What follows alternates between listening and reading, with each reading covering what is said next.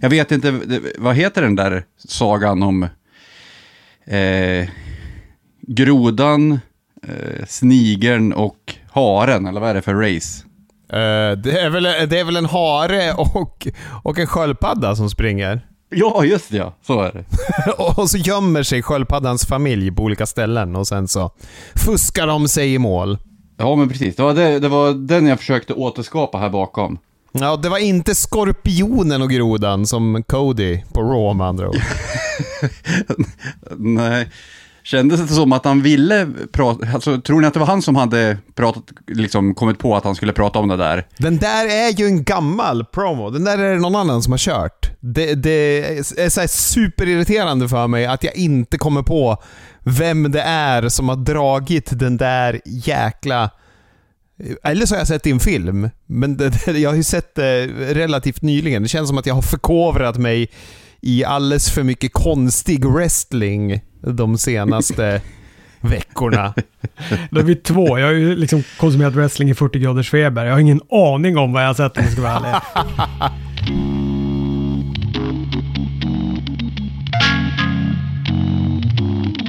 Jag vill börja med att fråga vad ni tror att Michael Jordan, Bank of America och Dwayne The Rock Johnson har gemensamt. Ja, jag känner, jag vet inte om, jag vet inte om Bank of America, men Michael Jordan, han äger ju lite olika lag.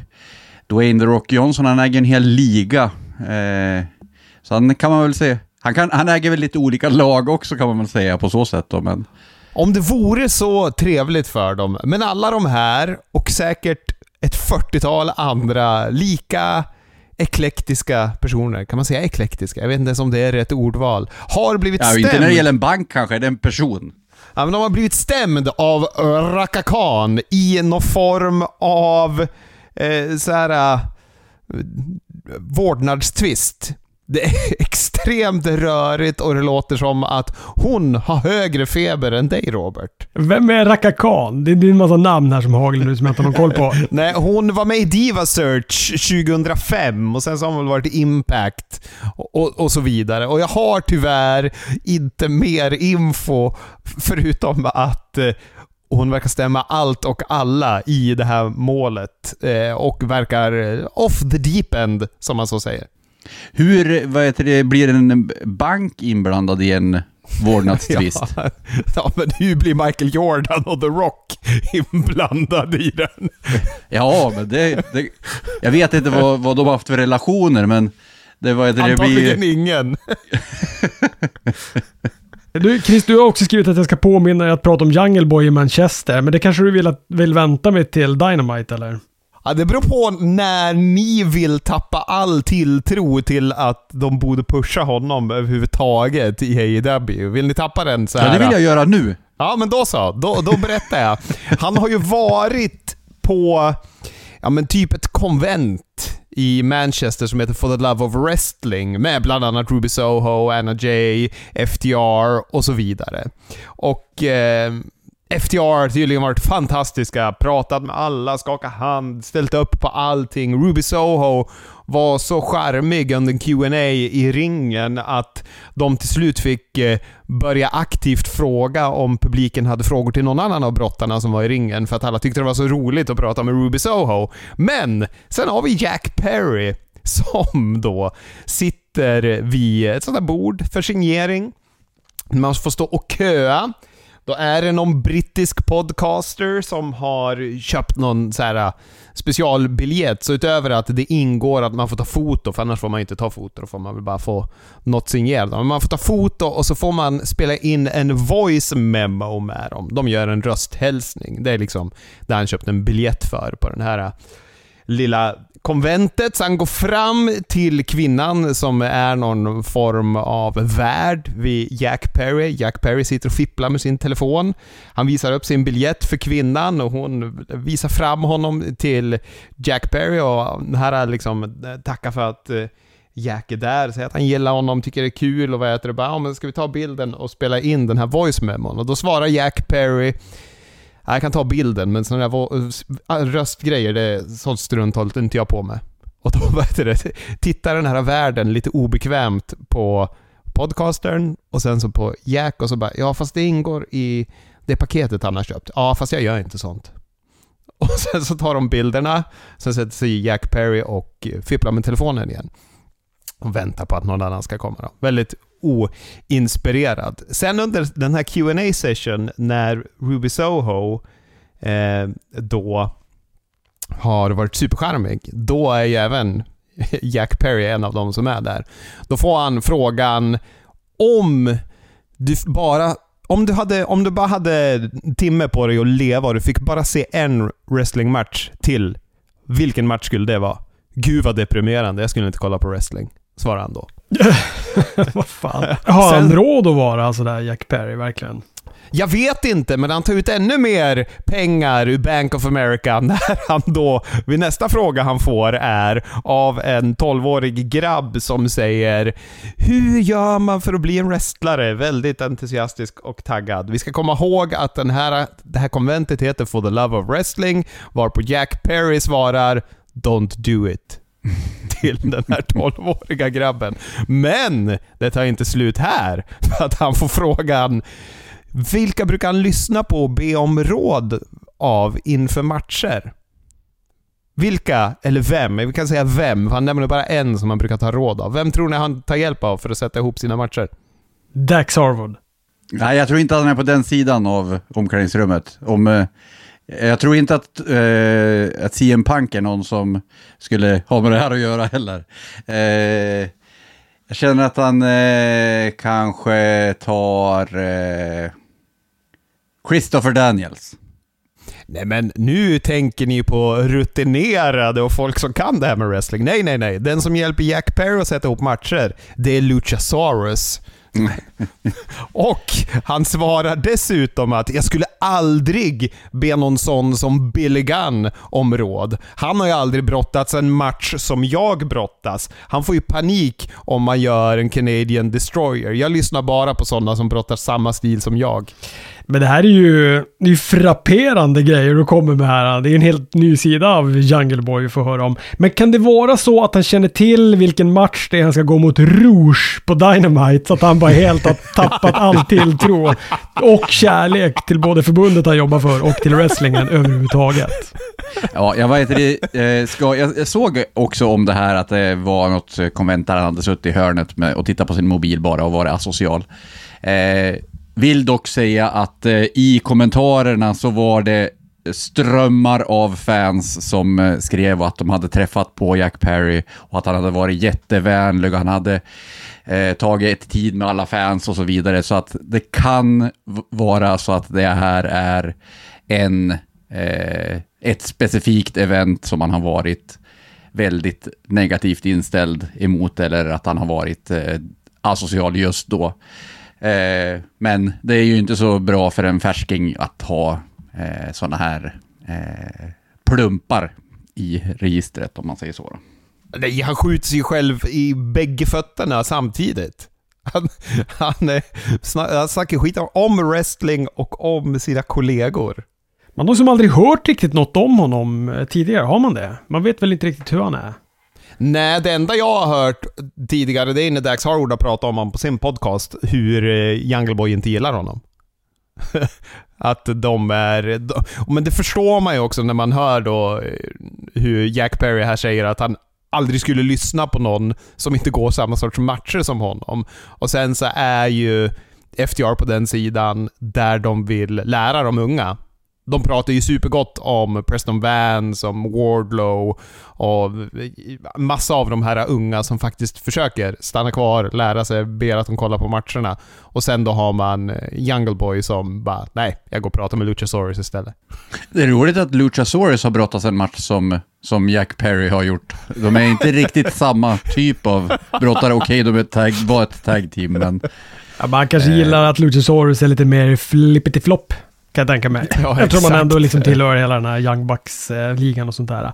Men Luchasaurus, han är ju inte helt, jag menar, han hade ju ändå, han brottades ju ganska mycket i uh, Lucha Underground och såna här saker. Det är inte så att han är helt ny. Nej. Det är inte Hook han tar råd av. Men han eh, blir ju befallen i alla matcher. Gå tillbaka och titta på vilken Luchasaurus-match som helst så är det ju inte han som är ringgeneralen direkt. Fan, nu när de hade promon mellan Wardlow och Christian på Dynamite, då beordrar ju Christian att gå och hämta ett bord och då pekar han åt ena sidan Varpå Luchasaurus blir jätteförvirrad, för där är det inget bord. Men han pekade ju där, så går han runt och är förvirrad och hittar det på en annan sida. Så att han känns inte som en ringgeneral. Man ska nog vara försiktig och ha Lucha Underground som referens också. Men det var ju klippt och skuret i minsta detalj det där programmet. Så att all, alla såg ju tipptopp ut. Och svintajta. När vi ändå är inne på eh, olika inställning på synen på wrestling så kanske vi ska diskutera Eh, den här brandsplitten som verkar bli nu eh, och eh, att AW har släppt att Collision kommer börja sändas på lördagar. Det kommer vara en två timmars show som mer än oftast är live. Och på den så ska det ju vara alla de här strulputtarna. Ja, de hade ju en liten pressrelease där de eh, skrev vilka namn som kommer vara med. Bland annat Andrade, Thunder Rosa, Miro, även Powerhouse Hobbs och FTR var väl med där. Och i länken de skickade i en oreviderad länk så stod även CM Punk med, men det reviderade Warner Brothers sen och sa att nej, nej, nej, han har ingenting med Collision att göra. Ja, men det ska, det ska väl tydligen ha funnits någon grafik och sånt där. Uh, nu, källa dig Meltzer. Förlåt allihopa. Det, det är klart. han hade sett den tydligen, sa han. Han hade sett den, precis ja. Men det finns nog ganska många som påstår att det där är eh, dravel också. Skitsamma. Han påstår i alla fall att så sent som i typ dagen innan så fanns det grafik med CM Punk på. Och sen har det hänt någonting precis då innan det här äh, deklarerades. Och därför försvann han. Och ryktet är väl att det är ett missförstånd kring Ace Steels vara eller icke vara på plats. För tydligen är Ace Steel anställd igen och har varit ett tag, men han får känna på hur det är att jobba efter pandemin. Han jobbar hemifrån och får inte vara på plats i arenorna. Men det var tydligen ett krav som CM Punk ska ha haft, men eh, det verkar man inte vilja och då verkar det ha blivit lite kaos. Precis, och, men eh, Dave Meltzer var ju tydlig med att han hade hört eh, så många olika stories av vad som sker liksom. Eh, jag antar även att eh, det, eh, som sagt, vissa säger nog att det här inte är, liksom, det inte är någon situation, utan att de bara håller på det för att eh, först så vill de le leverera nyheterna om showen och sen så eh, nu skulle de ju hålla på det till nästa vecka med att de skulle annonsera att det är i Chicago då. Eh, men eh, om, eh, som sagt, när jag lyssnade på Wrestling Observer så var de ju ganska eh, or, ja, orolig över om, om CM Punk inte skulle komma. Eh, hur blir det då med den här Chicago-showen? För att då har de ju bokat en väldigt, väldigt stor arena för eh, något som inte kanske drar så mycket om CM Punk inte är där. Men det vet väl inte folk om? Ja, och vad heter det? För de kommer väl inte säga det, så att det kommer väl inte påverka biljetterna åt det ena eller andra hållet, tänker jag. Eh, nej, eh, precis. Det handlar ju bara eh, egentligen om att de måste boka om en arena. Det är väl egentligen det som är grejen. Men det jag tycker är det mest frapperande med det här då är ju att, det, kan det vara så här fragilt? Alltså står liksom hela AW 2.0 och faller med den här jävla strulputten, då är det ju... alltså då är det ju dödsdömt. Ja, men då är det dödsdömt. För att det här är ju inte, alltså om, om det är så lätt att hålla hela förbundet gissla på det här sättet med Ace-stil, huruvida han ska liksom ha hemmakontor eller inte, så känns det som att eh, då är ju det här bara den första lilla tröskeln av väldigt mycket som komma skall. Jag hoppas ju, alltså jag hoppas innerligt att det är så att de bara kände att nej men vänta, vi sparar på det istället. Alla tror att vi ska presentera sin punk. Vi tar det nästa vecka istället. Men när det liksom allt det här pratet om grafiken och de gräver fram de här gamla länkarna där man kan se pressrelease med hans namn och sånt där på. Då eh, tycker jag det ser mörkt ut. Jag tror ju att det har skitit sig och det här är en, eh, en krishantering. Okej, okay, jag skiter i Vi kan inte liksom ha, vi kan inte vara i Chicago ifall det inte har löst sig med sin punk. Jag tror att han kommer dyka upp ja, eftersom han gick bananas på Instagram och skrev och, och filmade sig själv om hur eh, folk, eh, eh, fans är uppdelade i olika läger och tycker om att hålla på sina brottare och si och så. Skulle han inte bara hållit käften om det har skitit sig? Ja, jag vet inte. Han, eh, eh, han verkar ju ha svårt att hålla tyst när han är arg. Eh, men... Eh, Han är ju så jävla mycket så här. alla borde bara sköta sitt och inte prata så mycket. Nej men håll käften själv då. alltså var inte ute och svinga på internet. Ska det vara så jävla svårt? Jag fattar inte. Jag känner att jag blir irriterad bara för att jag såg fram emot att Sim Punk skulle komma tillbaka nu. Men så påminns jag om vilken jävla strulputte han är samtidigt. Ja, det är ju, men det är ju intressant. Om vi leker med tanken att CM Punk kommer tillbaka, så är det ju strulputtarnas land. Den där showen. De ska ju vara glad att det faktiskt är Tony Khan då som verkar boka bägge showerna så inte det var någon stackare Chris Daniels blir ansvarig för Collision. Och bara tidig pensionering på honom. Men visst inte pratar de om någon brand split på Dynamite va? Nej, Nej, utan nej, nej. Det, de har bara presenterat eh, showen med WCW Nitro-grafik, vilket jag gillade. Precis, och, och det kommer ju inte vara en uttalad brand split på så sätt som jag har förstått det heller. Nog för att de kommer vara där, de där strulputtarna. då. Men eh, det, som sagt, det har ju, det pratades också om på någon podd om att det har ju indirekt varit en brand split redan tidigare. För att de har ju haft vissa brottare, nog för att Rampage spelas in efter Dynamite, men de har ju haft vissa brottare som mer eller mindre enbart är på Rampage eh, vissa brottare som mer eller mindre enbart är på Dynamite. Eh, som Jade Cargill, hon var ju, har ju varit väldigt sällan på Dynamite, hon var eh, mer eller mindre hela tiden på Rampage. Hook, Hook var ju en var- sån, så, precis, han var ju en sån som var på Rampage hela tiden. Eh, Keith Lee och, och eh, Dustin Rhodes har ju varit nu ett tag där de bara har varit på Rampage. Och, Eh, MJF, han har bara varit på Dynamite, till exempel. Eh, nog för att det har ju... Eh, det är ju bara som det är, eh, att eh, vissa brottare kanske inte får plats på Dynamite. Eh, men det här kanske är... Här är det ju mer eh, politiken eh, eller relationerna som gör att vissa ska hållas borta ifrån varandra.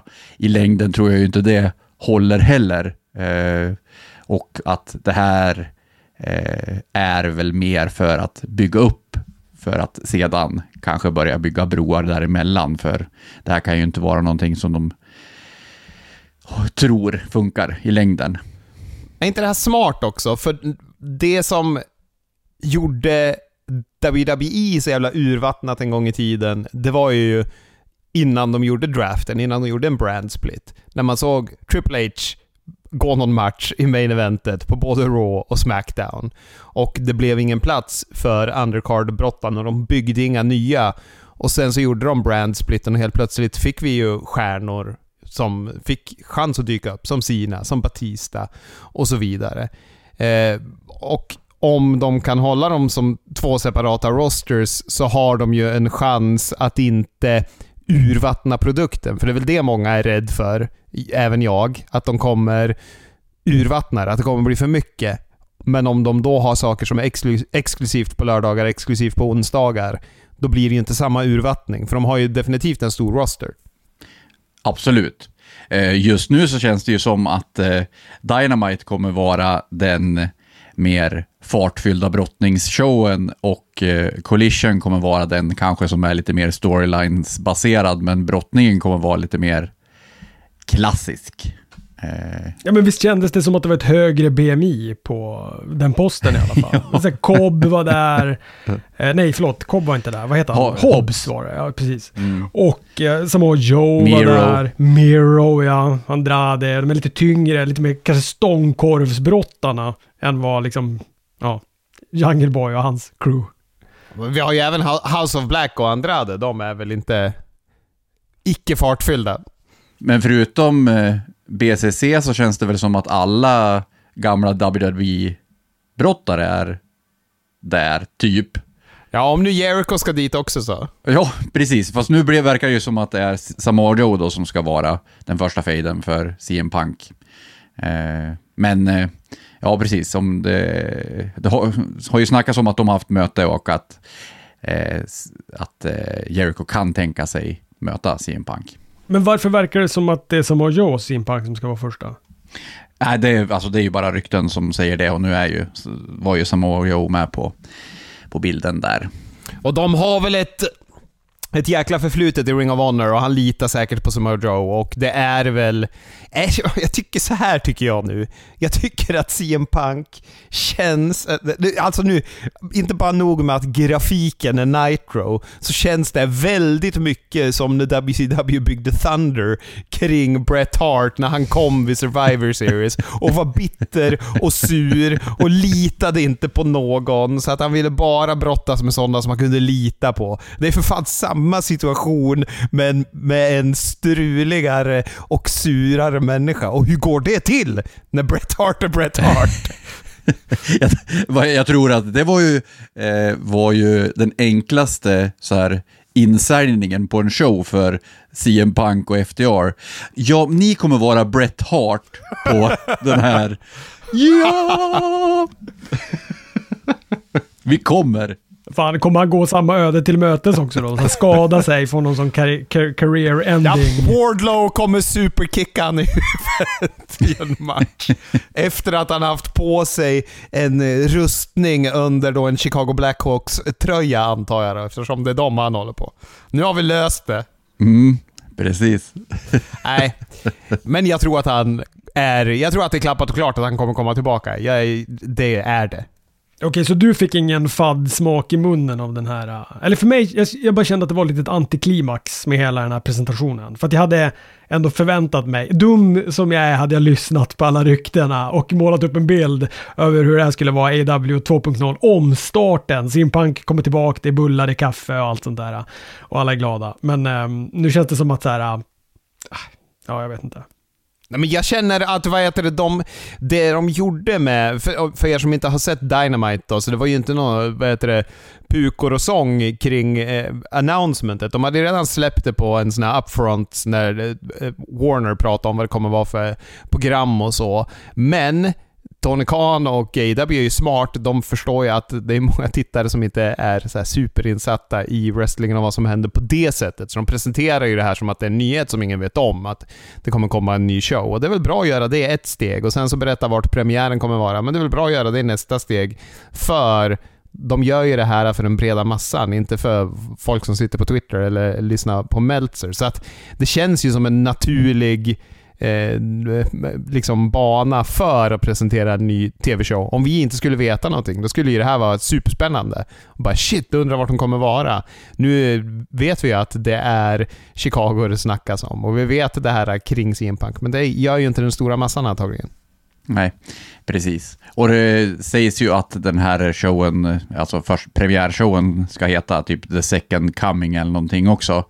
Eh, så att det är eh, eh, om, om CM Punk inte ska komma så då så kan de kanske inte ha det namnet heller. Men som sagt, jag hoppas det var någon som hade lagt ut på Twitter om att eh, det här, eh, att AW bokar på ett sätt som eh, workar eh, fansen och att det här är den nya varianten av bokning eh, för att engagera fans och man får väl hoppas på något sätt att eh, det är för att eh, Eh, lura in diskussion och eh, att det är det som hela den här grejen är. Eh, och som sagt, det kan ju även vara att CM Punk blev förbannad på att, eh, eller tyckte att det var för uppenbart att det skulle vara så här som det är och att han tyckte att vi skjuter på det här lite och vi vad heter det, börjar ösa ur oss rykten om att det är strul igen. Eh, det blir roligt. Men varför återknöt de inte till Miro och Thunder Rosa på programmet? Det var ju så jättekonstigt. Det existerade i ett vakuum nu. De kunde väl ha byggt det mot showen, tänker jag. Det är som att de glömde bort att det var en grej. Det hade ju varit supersnyggt att koppla det till det här. Annars är det ju menlöst. Annars måste vi göra det i huvudet. Och mm. det är det ju inte alla som gör. Ah, jag tycker det var dum bokning. Ja, eller att, de kom, att, Andrade skulle, att, att Andrade skulle komma och gå in och prata med Tony Khan eller alltså vad som helst, att de bara lät det rulla på i alla fall. Sen, som sagt, eh, eh, ja, det, det blir, blir ju märkligt när de har en grej sådär och sen så händer ingenting mer med det. Det tycker jag också. Men visst var, var Andrade med på showen? Jag såg ett klipp när han sa I'm back backstage. Men jag vet inte om det var med på Dynamite eller om det var sociala Nej, sociala medier var det. Han såg glad ut. Jag, jag gillade den. Jag blev glad när jag såg Andrade. Och så tänkte jag, fan jag tycker mer om dig än Sammy Guevara, så att allt är förlåtet. Ja, det, det verkar vara svårt i alla fall för dem att boka Sammy Guevara som ett face. Eh, Men han, oh, de har ju... Ja, nu är jag, jag är så förbannad på Sammy Guevara. Fan, kan de kasta ut Jack Perry och Sammy Guevara ur den där faden? Sammy Guevara, han har ju för fan bara lyssnat på Paul White. Han, han turnar ju face och heel 30 gånger under samma kväll. Han vet ju inte vad han är. Jag vet inte vad han är. Publiken blir superförvirrad. De Ja. buar när han kommer ut och sen så kör han en face promo på det här Dynamite när han var heel. Alltså, jag... Ah, uh, sämst. Ja, förra veckans avsnitt var ju ganska stökigt med honom när han var polare med MJF i början och sen eh, svängde det. Men eh, ja, nu och nu han en fistbump med Darby Allen och säger att han inte alls kommer lägga sig och sådana saker. Nej, jag håller med. Det är stökigt. Bort med han och Jungle Boy. Jag vill bara se Darby mot MJF. Det hade varit toppen med den matchen. Ja, och de har ju historia med den här headlocken som nu på den här veckans Dynamite, då när de går en tagmatch, Orange Cassidy och Darby Allen mot Big Bill och Lee Moriarty, då sätter han sin coffin drop och sen så gör han en headlock takeover och pinnar Lee Moriarty för en callback till MJF. Det räcker, där har vi faden. Bort med de andra två soporna. Men Big Bill var ganska bra i den här matchen. Fan, det är någonting som har hänt med honom sen den här uh, Ja, The Firm Deletion-grejen där jag tyckte han passade så bra. Jag bara gillar han jättemycket. jag med. Jag satt också och gillade Big Bill. Lee Moriarty då, har han, vad heter det, har, har ni köpt han också? Nej, han kan bort. Han kan följa med Jack Perry. Okej. Okej. Men det var kul att se FTR putta Satnam Singh från rampen. Jag vet inte varför, jag har spolat tillbaka tre gånger. Det är, något, det är något sinnessjukt roligt med att han är så fruktansvärt lång och att de här äh, FTR ser ut som små lilleputtar som kommer utspringande så liksom bara buttar honom. Precis, de smög, smög sprang så länge också. Eh, Som dagisbarn som ska putta någon nerför en kulle. En fröken. Eller så kanske det inte heter. Det heter inte dagis heller va? Jag är på djupt vatten. Jag skyller på febern. förskola. Och pedagogen. De, de puttade pedagogen. Ja. Men fan, Karen Jarrett kom in. Gav cashen näven mellan benen. Nu är vi snart TNA Impact. Jajamän. Men det fortsätter att vara underhållande. Det här tycker jag. Och bland det mest underhållande var ändå att Tony Schiavone uttalade Sonjay Dutt som svenskt. Ja, jag tänkte, tänkte, tänkte på Robert när jag hörde det. Ja, men jag, jag håller med. Jag tycker också, jag, det, ehm, jag gillar det. Jag gillar den här faden och jag är underhållen av det. Jag, tyckte att, eh, jag, jag tycker att det är bra. Så att eh, det kan få vara lite TNA Impact. Det kommer ju bli en toppenmatch också på pay-per-viewen. Det här. Sannerligen kommer det bli det. Men jag tyckte det var ganska mycket bra på det här Dynamite. Jag tyckte Tony Storm, Ruby Soho, Britt Baker, Hikaru Shida-matchen var bra. Tony fick ta pinfallet på Britt. Sen utmanade hon Jamie Hater i titelmatch på Double or Nothing. Det var jättebra eh, att eh, de eh, satte upp så många matcher för Double or Nothing också. Det har ju varit ganska få matcher som var bokade. Men det behövs bara ett sånt här Dynamite så känns det som att Double or Nothing är superspännande igen. Ja, men jag vill spola tillbaka till, allra, till eh, det allra första som hände, det är ju att vi faktiskt fick in Wardlow mot Christian. Jag tycker att, fan, Christian är, är så bra. För att nu är jag intresserad av en Wardlow-match. Det är jag inte annars.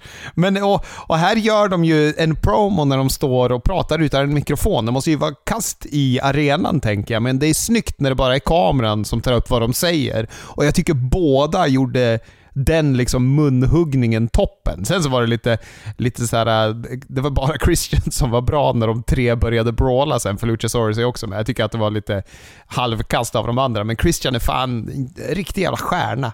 Ja, men jag håller med. Jag är också superintresserad av den här matchen. Jag har aldrig varit intresserad av en Wardlow-match. Men det är ju bara tack vare Christian. Det är bara tack vare han som jag är peppad på det här.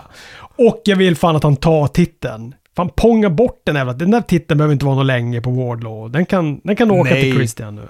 Wardlow kan åka med Jungle Boy och... Uh, vad var det mer som skulle åka med? Lee Moriarty och Sammy Guevara. Fast Wardlow, han är ju i eh, den här CM Punks eh, Grace, så han kanske kommer få följa med till Collision han också. Ja, men han passar väl på collision här. Han är har ju högt BMI, är vid toppen. Men det känns som att mästarna kommer hoppa emellan, eller? Ja, så måste det vara. Jag kan inte tänka mig att de kommer liksom brassa ut en massa titlar. Han älskar ju dock bälten verkar det som, så vem vet? Ja, Jo, men han kan inte, han kan inte plocka fram en titeljävel till. Det går inte. Nej, nej, men det var eh, spännande bokning i allmänhet på det här Dynamite. Det var ganska udda för de inledde med ett eh, intervju i ringen och de avslutade även med eh, ett intervjusegment i ringen. Så de hade liksom ingen eh, sådär fartfylld match i början och ett, eh, en brottningsmatch som main event heller. Så det var ju väldigt udda bokat på så sätt. Eh, Jag trodde ju den här Roderick Strong, Chris Jericho och Falls Count Anywhere-matchen skulle vara main eventet. Den var för jävla skoj också. Jag gillade den jättemycket. Det var verkligen Falls Count Anywhere. Alltså de pinnar varandra i trappan i publiken. De pinnar varandra på någon avsats i trapphuset backstage. Pinnar varandra i rabatten utomhus också. Efter att Adam Cole hade kommit och, kommit och lagt sig i. Nej, jag tyckte den var bra. De fick också så bra pops när de klev ut utanför arenan. Då var publiken som mest taggade. Bara, De går ut! Så var helt galna. Ja, men de förstod väl att då kommer Adam Cole eftersom han var bannlyst från arenan, men inte där ute. Men vad heter det? Det jag gillade var att de faktiskt hade, att det styrdes mot eh, main eventet på något vis med att Blackpool Combat Club faktiskt fick ha ett segment innan när de gav sig på Young Bucks och grejer. De försökte ha någon form av liten tråd som guidade oss. De skulle behövt ett till segment, tycker jag, som styrde mot det. Så hade det varit superbra eh, lätt in mot liksom sista quartern. Det hade varit toppen. Ja, eh, och eh, Hangman Page, han får aldrig ta av sig den där lappen, för nu såg han ju riktigt hård ut. Han kom alltså in med en lapp för ögat för er som inte sett. Han hade ingen lapp på knäna på byxorna. Precis, och du fick rätt. Eh, det var Hangman bara, som det ser ut nu i alla fall, som eh, fyllde ut eh, matchen. Så nu ska de vara fyra mot fyra. Äh, han kommer Anders. Kota Ibushi kommer. han kommer. Inte till Double or Nothing, men han kommer att komma. Nej, nej, nej, nej. Takeshita-grejen måste ju liksom eh, få någon... Eh, eh, och, någon avslut eller någon rejäl början på vart han är på väg. Eh, så eh, på så sätt så behövs ju en femte person. Jag tror han ligger på en lapp backstage. Bortglömd. Där det står Takeshita? Takeshita. Ja, jag tror inte han är med. Jag tror att de kommer... Han kommer inte vara med i den där fejden någonting nu. De, de märkte att det är inte dit vi ska. Nej, Excelet. Mm. Han har ju inget Excel. Man fick ju se på det här uh, All Access att det är ett handskrivet papper. Men det är ju utformat som ett Excel-ark ungefär. Han står ju inne i någon toalett eller någonting och pratar med Sammy Guevara och pekar på olika kolumner. Så här, att ser den här veckan, här ska ju du göra någonting och så vidare. Så han har ju gjort ett, ett eh, analogt Excel-ark. Det, det känns inte riktigt som honom. Eh, inte bi- min, min bild i huvudet i alla fall på hur Tony Khan är. Eh, men eh, okej, det trodde jag inte. Men hörni, den här Rouge Jungle Boy-matchen. Den var märklig va? Han spöade upp han ganska bra va? Han vill, vill inte riktigt det där. Han vill inte sälja överhuvudtaget Rouge. Han spöar ju på Jungle Men vad fan, han kanske också, likt du Chris, det kanske var så istället. Att Rouge hade också hört om Jungle Boys beteende. För att han spöar ju på, han säljer ju ingenting. Han spöar på honom som fan, kastar ju han så det ser ut som att han ska bryta nacken när han, när han slänger ner honom från ringkanten. Sparkar på honom tills domaren säger åt honom. Då sliter Jungle Boy tag i eh, brallorna på honom, rullar upp honom, gör ett pinfall och vinner matchen. Sen bara fortsätter Rouge att spöa på honom. Ja, han kanske, han kanske vad heter det, eh, hade sett att man måste ha en eh, sådär, eh, någon, någon som man hatar på Dynamite så att han får hamna på collision tillsammans med Andrade. Jag älskar ju Rouge ännu mer efter den där matchen. det, jag, jag vet alltså, och jag tycker det är som skillnad i stjärnstatus på de där två. Alltså Jungle Boy och Rouge. Det är, fan, jag, jag, jag har stört mig så otroligt på Jungle Boy. Egentligen sedan de började med den här faden, för jag tycker att han alltid underlevererar på något vis nu. Han ska inte vara här.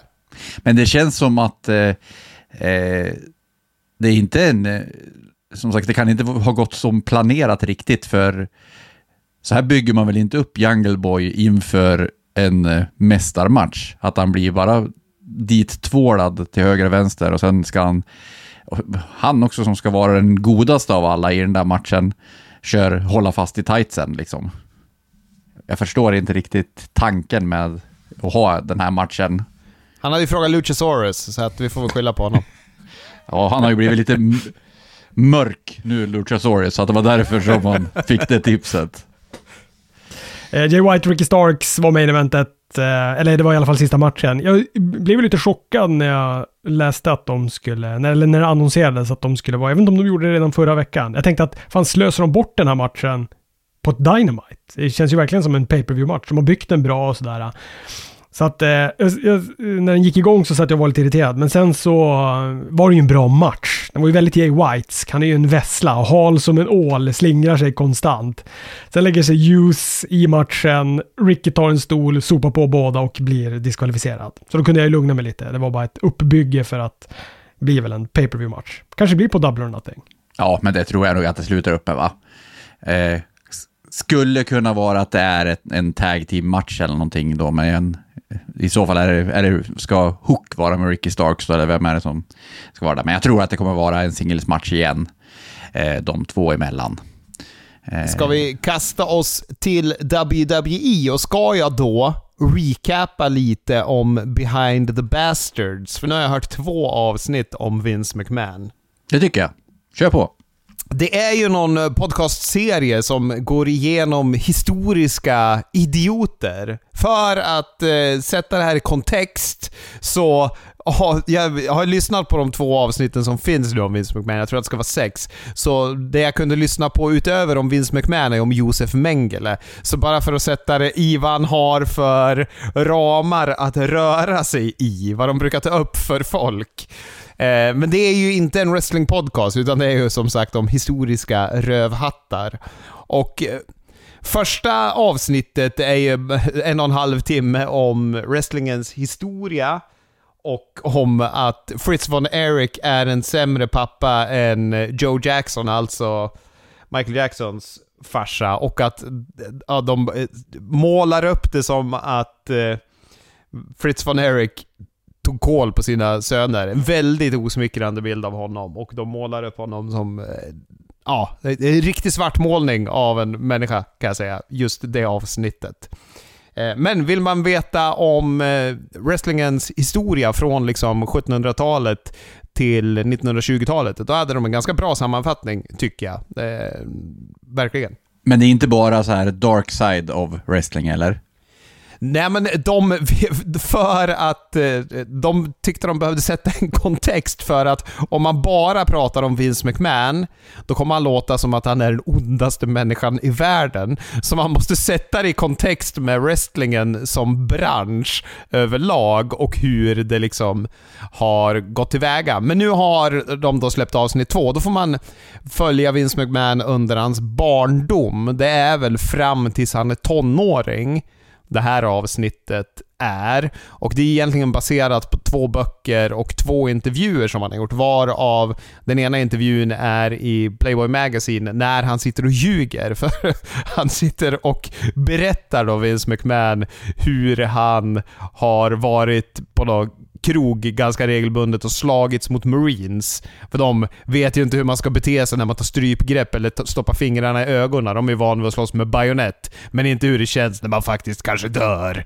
Och vad heter det? När, när då gamla klasskamrater till Vince får höra det här så bara, ja fast han var ju supersnäll. Alla gillar ju honom. Han var ju en lugn och beskedlig grabb. Så att han har målat upp sig själv som en gangster. Att han brukade stjäla bilar. Men det var inte riktigt att stjäla för han lämnar ju alltid tillbaka dem. Men alla bara, ja fast det här är ju inte Vince McMahon. Han var ju, han var ju en, ja, vem som helst.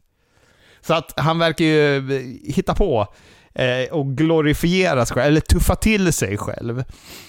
Sen är det ju väldigt mycket, Vince Senior, han eh, träffade ju Vince McMahons mamma när hon redan eh, hade skilt sig från honom. Och sen så fick de eh, hans storebror då, och så fick de Vince. Sen så stack Vince Senior och eh, skaffade en ny familj. Var på Vince McMahons mamma då gifte sig med någon snubbe som eh, tydligen sopade på Vince. Men man är liksom lite osäker på allt kring Vins bakgrund eftersom han säger ju det här i samma veva som han säger att han har hållit på och slagit ner eh, Marines på en bar också när han var 15 och de var Marines. Så att man vet inte hur mycket som är liksom sant i, i den vändan. Men sen så vet det, känsliga lyssnare varnas. För han, vet det, det är så märklig intervju för att han hintar om att han kan ha blivit Eh, sexuellt utnyttjad av sin mor. Och då blir nästa fråga från den här reporten på Playboy Magazine, oh, hur gammal var du när du blev av med oskulden? Och då börjar han prata om det då. Och han kommer inte riktigt ihåg när det var, men han kommer ihåg att han ville stoppa in löv i sin kusin. Och att hon sen gifte sig med hans, den här, eh, vad heter det, mannen som var tillsammans med hans mamma efter Vince Senior. Och, och då säger han bara, gud jag hör att det låter som banjos susar i, i träden när jag säger det här. Robert och jag är tyst av chock. ja men det är, det är helt bisarrt, vad heter det, att han ens pratar om att stoppa in löv. Det, bara det är konstigt i en intervju. När han sitter och ska måla upp sig själv som tuff också. Eh, Ja, stökigt. ja. Sen bara en sista så här eh, grej som jag tycker är bisarr som är med där. Han såg ju upp till en vad heter det? Oh, han heter någonting. Dr. någonting Graham. En wrestlare med blonderat hål, hår, inte hål, hår. Som, vad heter det, tände cigarrer med 100 dollar sedlar. Och vad heter det, Vince brukade vara hans chaufför. Det har ju Vince pratat om jättemånga gånger. Och Vince, eh, det här är när han och Vince Senior har eh, reconnectat. Och Vince Senior ville absolut inte att han skulle umgås med wrestlare. Men den här wrestlaren, för att bara rama in hur den här Dr. Graham var som människa. När hans mamma dog, då klev han in på sjukhuset med sin 12-åriga son, ett avsågat hagelgevär och en kniv och hotade till sig sin mammas kropp och bar ut den på sina axlar innan poliserna brottade ner honom och tog iväg honom. Det var Vince McMahons idol det. Herregud. ja. Men apropå eh, Graham, behöver vi säga något om eh, Superstar Billy Graham? Han har trillat av pinnen. Det brukar vara du, Chris, som drar lansen för de här gamla brottarna. Jag vet inte om du har något... Jag har ju tyvärr ingen relation till honom. Han var väl den som satte den där fysiken eh, som eh, vi alla är van vid. Drew McIntyre-fysiken, det var han som satte den på eh, kartan. Det var han som fick... Det är ju... Hulk Hogan var ju inspirerad av två personer. Det var ju Dusty Rhodes karisma och Billy Grahams look. Det var ju det han ville vara, så att han har ju verkligen satt sin stämpel på branschen. Sen så var det faktiskt Superstar Billy Graham som berättade historien om det avsågade hagelgeväret och den döda mamman. Så det har jag på honom. Han, Sebbe skrev till mig, bara några dagar här innan han dog, att eh, han var den äldsta levande för detta WWF-mästaren. Mhm. Och efter honom så är det Bob Backlund, så att eh, nu då är det väl Bob Backlund som är den äldsta. Känns som Bob Backlund har levt ett renare liv än de flesta gamla WWE-mästarna också. Fast det, där, det kan ju fan inte stämma. Vad är Vince McMahon har ju varit champ. Han är ju äldre än Bob Backlund. Ja, det stämmer ju. Vad är Bob ba Backlund, vad, hur gammal är han? Vince McMahon är 77 va? Senast jag kollade. Bob Backlund är 73 ja. Ja, ja då är ju För visst Vince. vann Vince titeln? Eller blandade jag ihop det med ECW-titeln? Nej, han tog titeln av Triple H, har jag för mig. Och så gjorde han väl den vakant typ dagen efter på något Raw. För att han var så här, ah, jag ska ju inte ha titeln. Jag vet att han hade ECW-titeln i alla fall. Jag ska låta det vara osagt om eh, han har haft WWE-titeln. Ja, jag får ta det här med Sebbe hör jag, men jag tror att han tog va- vanliga världsmästartiteln också. Nu skrev i och för sig Seb- Sebbe VVF, kan han ha tagit den efter Get the F out eller något sånt där? Fast det kan inte heller stämma. Det var väl typ, när, när, var, när tog de bort F1? 2001? 20, nej, 2002 va? Ja, något sånt. Där tror jag var tidigare. Jag googlade här lite snabbt och då så står det att eh, McMahon returned as a face in the fall of 1999 and won the WWF Championship in a match against Triple H, thanks to out outside interference from Austin and Austin on the September 16th SmackDown. Just det. Och sen på Raw så lämnar han den tror jag, vakant. Så jag vet inte hur, huruvida det räknas då, men, men rent teoretiskt är ju han då den nu äldst levande för detta WWF slash WWE världsmästaren. Och Vince kommer bli 120 år, så att eh, det är ett tag kvar. Men eh, Smackdown denna vecka, vad säger vi? Vad har vi att ta med oss därifrån? Nej, men det som är mest att ta med sig därifrån tycker jag var att Roman och Solo utmanade Sami Zayn och Kevin Owens i en match om tag titlarna på Knights of the Champions. Ska Sami och Owens till Saudiarabien nu helt plötsligt? Jajamän. Jajamän. Det är tillåtet för eh, eh, sy syrianer att, att åka till eh, Saudi nu. De har röstat igenom det tydligen. Jo, men tillåtet, men vill... Alltså jag har väl också tänkt att det fanns någon moralisk aspekt i Sami Zayn och Kevin Owens. Ja, tydligen då när Sami kunde, då ville ju han åka och då gick Kevin Owens med på att åka. Är det som sägs. Ja, för Kevin Owens har väl ingenting som gör att han inte kan åka. Han har väl bara struntat i att åka på grund av Sami Zayn. Ja, och Sami Zayn har ju tydligen eh, innan det här eh, förbudet kom tidigare då, så har han ju varit i Saudi och brottats eh, på någon house show eller vad det sades. Eh, så att det blir inte första gången heller som, som Sami åker, men som sagt, det, det känns ju ändå som väldigt överraskande att han eh, vill åka. Tycker jag. Nu är han pushad vet du. Då gör man allt. ja. Ska han ta den, Roman? Ska han plocka tag team-titlarna också? Nej, det kommer han inte göra. Nej, för då måste de förlora dem någon gång. Det kommer väl vara Bloodline, eller vad heter de, Usos, som fuckar upp det på något vis va? Ja, eller om det, vad heter det kan vara att eh, Solo förlorar matchen och han hamnar i skottlinjen lite grann också, då, jag vet inte, men eh, ja, Usos kan väl kanske sabba till det, stämmer nog. Men ja, det är väl klart att vad heter Solo kommer ta förlusten. Det kommer väl inte vara Roman som tar förlusten oavsett. Ja, eller så får Sammy sin vinst eh, här över Roman. Kan ju vara en sån grej också. Ja, precis. Det kan bli så, men det tycker jag är en väldigt dålig vinst eh, i så fall. Nej, men det känns väl mer rimligt att det eskalerar i eh, Roman och eh, Usos sprickan här. Vi fick ju en bra bra liksom, eh, väg framåt i den storyn tycker jag. Jag tycker det var toppen att se spänningen mellan Usos och Solo och Roman. Jag tycker fan Roman är kung. Jag saknar ju att han inte är på TV lika ofta som han var under upptrappningen till Mania. Ja, det blir ju en helt annan show när Roman är där. Eh, det blir så himla mycket mer spännande. Eh, det vi också kan ta med oss från Smackdown är ju att AJ Styles eh, tog den platsen eh, i matchen emot eh, Seth Rollins på eh, Night of Champions om eh, det nya bältet då. Eh, och Lite att, oväntat namn. Ja, verkligen. Och speciellt som att Edge eh, pratade om att han skulle ta titeln och att det skulle vara det sista som han gjorde. Nu är det Christian i helvetet snart här. Men det var en ganska bra match. Hans, alltså AJ Styles, Edge och Rey Mysterio-matchen gillade jag. Första rundan. Sen var det Bobby Lashley, Austin Theory, Sheamus i andra rundan. Den vann Bobby Lashley va? Och så var finalen mellan AJ Styles och Bobby Lashley. Var Austin Theory den enda healen i, i den här turneringen på Smackdown-sidan? Ja, Bobby Lashley då, varannan vecka. Ja, exakt.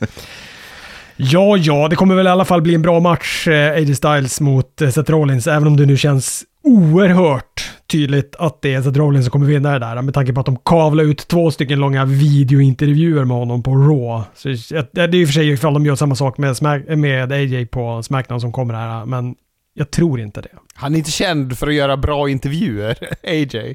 Nej, eller så skulle det vara att de eh, vill jävlas med The Club. De flyttar över AJ så att det blir Gallows Anderson och Meechin blir kvar på Smackdown utan honom. Men det var också många NXT-ansikten på Smackdown. Grayson Waller var med. Cameron Grimes vann över uh, Baron Corbin på tre sekunder. Det var en Kevin som var över. Och det absolut viktigaste, Pretty Deadly, var med och tuppade sig backstage mot uh, Brawling Brutes. Men de har ju lite karaktär i alla fall. Där har jag inget att klaga på. Tydligt vad de är för karaktärer. Supertydligt. Tycker inte Cameron Grimes har presenterats tydligt. Har man inte sett NXT har man ingen aning om vad han är för något. Han kommer in och gör det där knepet och sen så går han ut. Det gav ju ingenting. Han vann över Baron Corby. Vad gör det liksom? Han hade väl heller inte med sig någon karaktär från NXT in på main rosten. Han är ju bara en tjomme nu känns det som. Exakt. Jättetråkigt. Generisk eh, creator wrestler person har han blivit. ja. eh, men eh, Grayson Waller har ju jättemycket karisma, men han hade väl inte heller riktigt, om man bara är sådär WWE eh, inrutad och inte har sett NXT, så eh, han var en karismatisk person, men eh, jag vet inte om han presenterar sin karaktär på så mycket, men ja. Han kommer att bli bra. Fan vad kul, blev vi alla tre Vince Russo nu eller? ja, men vi gillade ju Pretty Deadly. Ja, fast vi väntar till Raw så vad heter det, ska vi se hur, det, hur eh, det profileras då. Om det inte är någonting som var bortklippt från YouTube så har jag ingen aning om vad det är ni tycker är bra på Raw. Nu har jag lyssnat för mycket på Vince Russo känner jag, för nu, nu kommer jag upp i strid redan innan vi börjar prata Raw. JD McDonough, han gjorde de ju ett fenomenalt promo package med. Åh, eh. nu ska jag kapa det här. Vi, ska vi hoppa dit direkt eller? Ska vi hoppa till den där... Vi, vi måste ta det i rätt steg nu, för de failar ju totalt med han.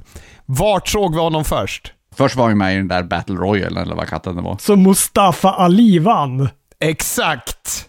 Och vad, vi, vi, vi kan ju stanna på Mustafa Ali. Det är ju supertråkigt när de gör så här. Det är ju endast för att han ska till Saudi. Ja just det, den matchen kommer ju gå där. Ja, vad dum jag är. Det är klart. Det var väl kanske inte så jävla överraskande då att han gick och vann den. Jag var chockad, men å andra sidan 40 graders feber när jag såg det, så att jag, jag var chockad över det mesta. Men, eh, men JD McDonough också, han, eh, hans upplägg med Dolph Ziegler, den brandlösa Dolph Ziegler. Exakt, och det är det här. Jag, vad är han för karaktär nu? Han, gick, han var med i den här äh, Battle Royale. Han vann den inte. Han var bara en i mängden. Vad gjorde han? Han kastade ut Dolph Ziegler. Vi får se honom gå backstage där han säger att han ska möta Dolph Ziegler. Och sen ja, så fast vi... då, då, det, jag hör ju att de har klippt bort det där promopaketet för dig i så fall. Nej, promopaketet kom efter. Nej, det var innan. Nej, promopaketet kom efter. När han gick det backstage var det innan. Nej, det var det inte. Det kom efter. Ja, på YouTube kanske. Nej, det kom efter! Jag är, jag är helt hundra. Och vad gör han, vad gör han i promopaketet då? Vad är det han har för karaktär? Men vi kan inte hålla på så här. Så avsnitt efter avsnitt kan inte vara att vi ska stå till svars för vad alla karaktärer är, Chris Dybeck. Då ringer inte jag upp dig nästa gång vi spelar in den här podden. Då kommer jag bara ringa Anders. kommer vi sitta här och citera Dave Meltzer och må så jävla gott. Ja. men vad var det som var bra? Ni säger att den är bra. Ja, men den var ju så välproducerad och vad heter det, fin. Men sen så som sagt, han, han, han presenteras ju inte som en hockeyfighter eller en sophämtare eller någonting. Som Vince Russo har på alla sina karaktärer, att de ska ha ett jobb. Han är inte en manlig strippa. Nej, men vad var han då? Men han var ju en frän brottare som fick utrymme. Han fick lite tid i alla fall. Det kändes som att så här, när man ser eh, Jade McDonough här så tänker man, om jag inte hade sett honom tidigare, jag tänkte så här, okej, okay, det här är någon som jag ska lägga på minnet. Det här är någon som de tror på. Det här är någon som kommer få en bestående roll. Och sen hela den här grejen, nu missade jag den, men Anders påpekade den för mig att eh, i bakgrunden sen när de försöker göra en intervju med Jade McDonough så står ju också Finn Balor och eh, iakttar Jade McDonough där. Och det är ju spännande. Och han vad heter, har ju tränat, Finn, Finn Balor har ju tränat J.D. McDonough. Och han heter ju, eh, nu är det ju det här eh, Jordan Devlin antar jag som J.D. men annars så är det ju det Judgment Day. Så han kommer ju gå med där. Eller så kanske Finn lämnar Judgment Day och blir något tag team med honom. Nej, det hoppas jag inte. Nej, det, men, men så kan det bli. För Finn är ju det udda fåret i Judgment Day. Om man ska se det så. Så kan de möta det nya tag teamet Veer och Singa. Och de var också bortklippt från YouTube. Men det är för att de ska till Indien va? Ja men de är, väl, de är väl tydliga Chris, de älskar väl du? Ja det gör jag. Eller jag vet inte vem den andra är. Jag vet bara vem Vera är och han älskar jag. Indiens Dressman-modell. Nej men jag vet inte vad mer som eh, var... Jag tyckte att det var lite det kändes som att det var lite gammalt recept på det här rådet. Jag tyckte det var mycket grejer som staplades på varandra.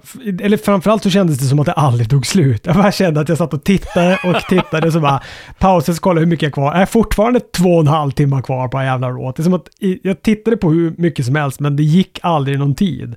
Den liksom lilla baren längst ner fylldes aldrig upp. Så det tog, tog, tog mig en evighet att ta med om det här rådet. Vi fick, Ronda Rousey kom tillbaka också. Hon gav sig på Raquel Rodriguez efter hennes match mot eh, Chelsea Green. Fan, apropå Smackdown och Raquel Rodriguez. Har ni sett någon se så dålig ut i solglasögon någon gång tidigare som Raquel Rodriguez gjorde? Jag tänkte inte på det. Bedrövlig när hon hade på sig solglasögon. Måste tillbaka och titta på det. Ja, kolla upp det. Men eh, det är väl den där titeln, eller de där titlarna ska väl på Ronda och eh, Shayna. Det har väl egentligen varit klart sedan länge. Det var väl bara den där skadan som gjorde att det har tagit en liten omväg istället. Vad heter det? Jag måste säga att jag tycker att det är skönt att Riddick Moss heter Riddick Moss och jag tyckte att hans pounds såg bra ut i den här Battle Royale. Det är en ljusglimt ifrån Raw i alla fall. Ja, och så gillade jag att Imperium verkar ha fått någon typ av roll i eh, Bloodline-grejen här. O- Owens, Sami Zayn-fejden. Eller nu kanske det bara var kopplat till just det här råt, men vi fick ju se Paul Heyman skaka hand med Günther i, innan main eventet. Och sen var de ju med och la sig i där i matchen med Sami, o- Sami Owens mot eh, Priest och Balor. Ja, precis. Kostade de matchen så Judgment Day fick vinna. Det är roligt att eh, Roman, han tittar inte på tv, utan han lyssnar bara, det är bara att eh, Paul Heyman ringer honom hela tiden. Så att eh, han lyssnar bara på kommentatorspåret av eh, Raw av eh, Paul Heyman. Han lyssnar bara via så här raspig 3G-lina, högtalartelefon. Det är så han konsumerar. Så han konsumerar Raw. Det är toppen. Kan, kan man inte få det istället för att titta på Raw? Vad tycker vi om, eh, om Cody då? Tycker vi någonting om det? Han och Brock igen. Ja, men Jag var väl inne på det förra veckan. Jag är helt okej med det. Nu- Det kommer bli en, en blodig match tror jag. Och eh, jag tror att... eh, Jag tror att Brock kommer vinna den, eller jag vet inte. Känns det som att de kommer att vå- våga låta Cody förlora? Det kanske kommer bli någon skit-finish. Och så blir det en tredje och sista match eh, mellan dem. Det tror jag. Ja, de, må- ja, eh, som sagt, de ska ju fördriva tiden fram tills eh, nästa år på Royal Rumble eller WrestleMania eller någonting när, när eh, Cody ska få sin chans igen. Så att ha en fade, lång fade mot Brock Lesnar, det är väl bra för att hålla sig i toppen i alla fall. Ja, så är det ju. Jag, jag, jag sitter och funderar bara på, vad heter det, eh, även, även, alltså så här, Randy Orton, vem är han? Eh, Edge, vem är han? Varför har han inte ett jobb? Jag ska ha Chris Dybeck Men- få stå till svars för nästa vecka. Hörrni, detta om detta. Vi hörs.